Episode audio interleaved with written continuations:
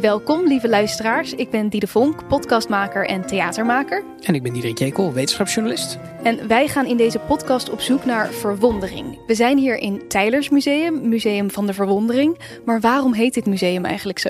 Je vindt hier echt alles waar je je over kunt verwonderen. Alles komt een beetje bij elkaar. Kunst en wetenschap. Je vindt hier uh, collecties van wetenschappelijke uitvindingen, uh, miljoenen jaren oude fossielen, historische boeken, munten en prachtige schilderijen ook. Dus alles wat een beetje je hartje sneller doet kloppen, dat ja, vind je hier in dit ene gebouw. Maar waarom maken wij eigenlijk deze podcast, behalve dat uh, Diede en Diederik leuk klinkt samen?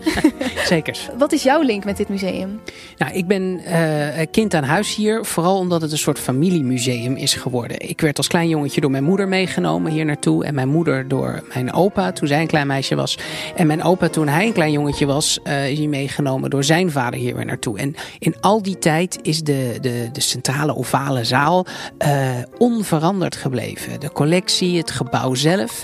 En we hebben dus altijd door de familie heen een beetje naar hetzelfde gekeken. En dat is ook zo bijzonder. Ja, het voelt echt als een soort tijdmachine hier. Absoluut. Uh, nou hebben we al best wel een lange tijd dat uh, niet echt kunnen meemaken, niet naar musea kunnen gaan.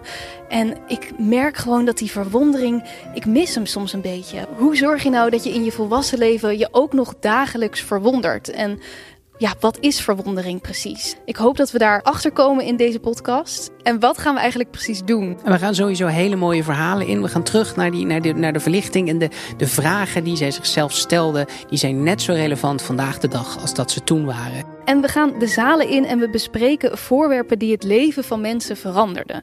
Want wat is een elektriceermachine en hoe wekten ze hier elektriciteit mee op? Hoe zorgde een snelkookpan dat duizenden mensen konden eten? Um, we ontdekken de verhalen achter de mooiste schilderijen en tekeningen. En in de fossiele zaal kijken we naar de evolutietheorie. En hoe er zelfs vandaag de dag nog nieuwe ontdekkingen worden gedaan over deze fossielen. We verzamelen de mooiste verhalen en dat doen we niet alleen natuurlijk, maar ook met de mensen die in dit mooie museum werken. Zij zullen ons meer gaan vertellen over ja, waar gaat hun hart nou sneller van kloppen en wat zijn de meest bijzondere verhalen en ervaringen die zij over dit museum. Nou, ik ben benieuwd. Ik hoop dat jullie ook een beetje benieuwd zijn geworden als je dit nu hoort. Volg de podcast vast op Spotify, Apple Podcasts, dan mis je niks van al onze afleveringen. En tot heel gauw.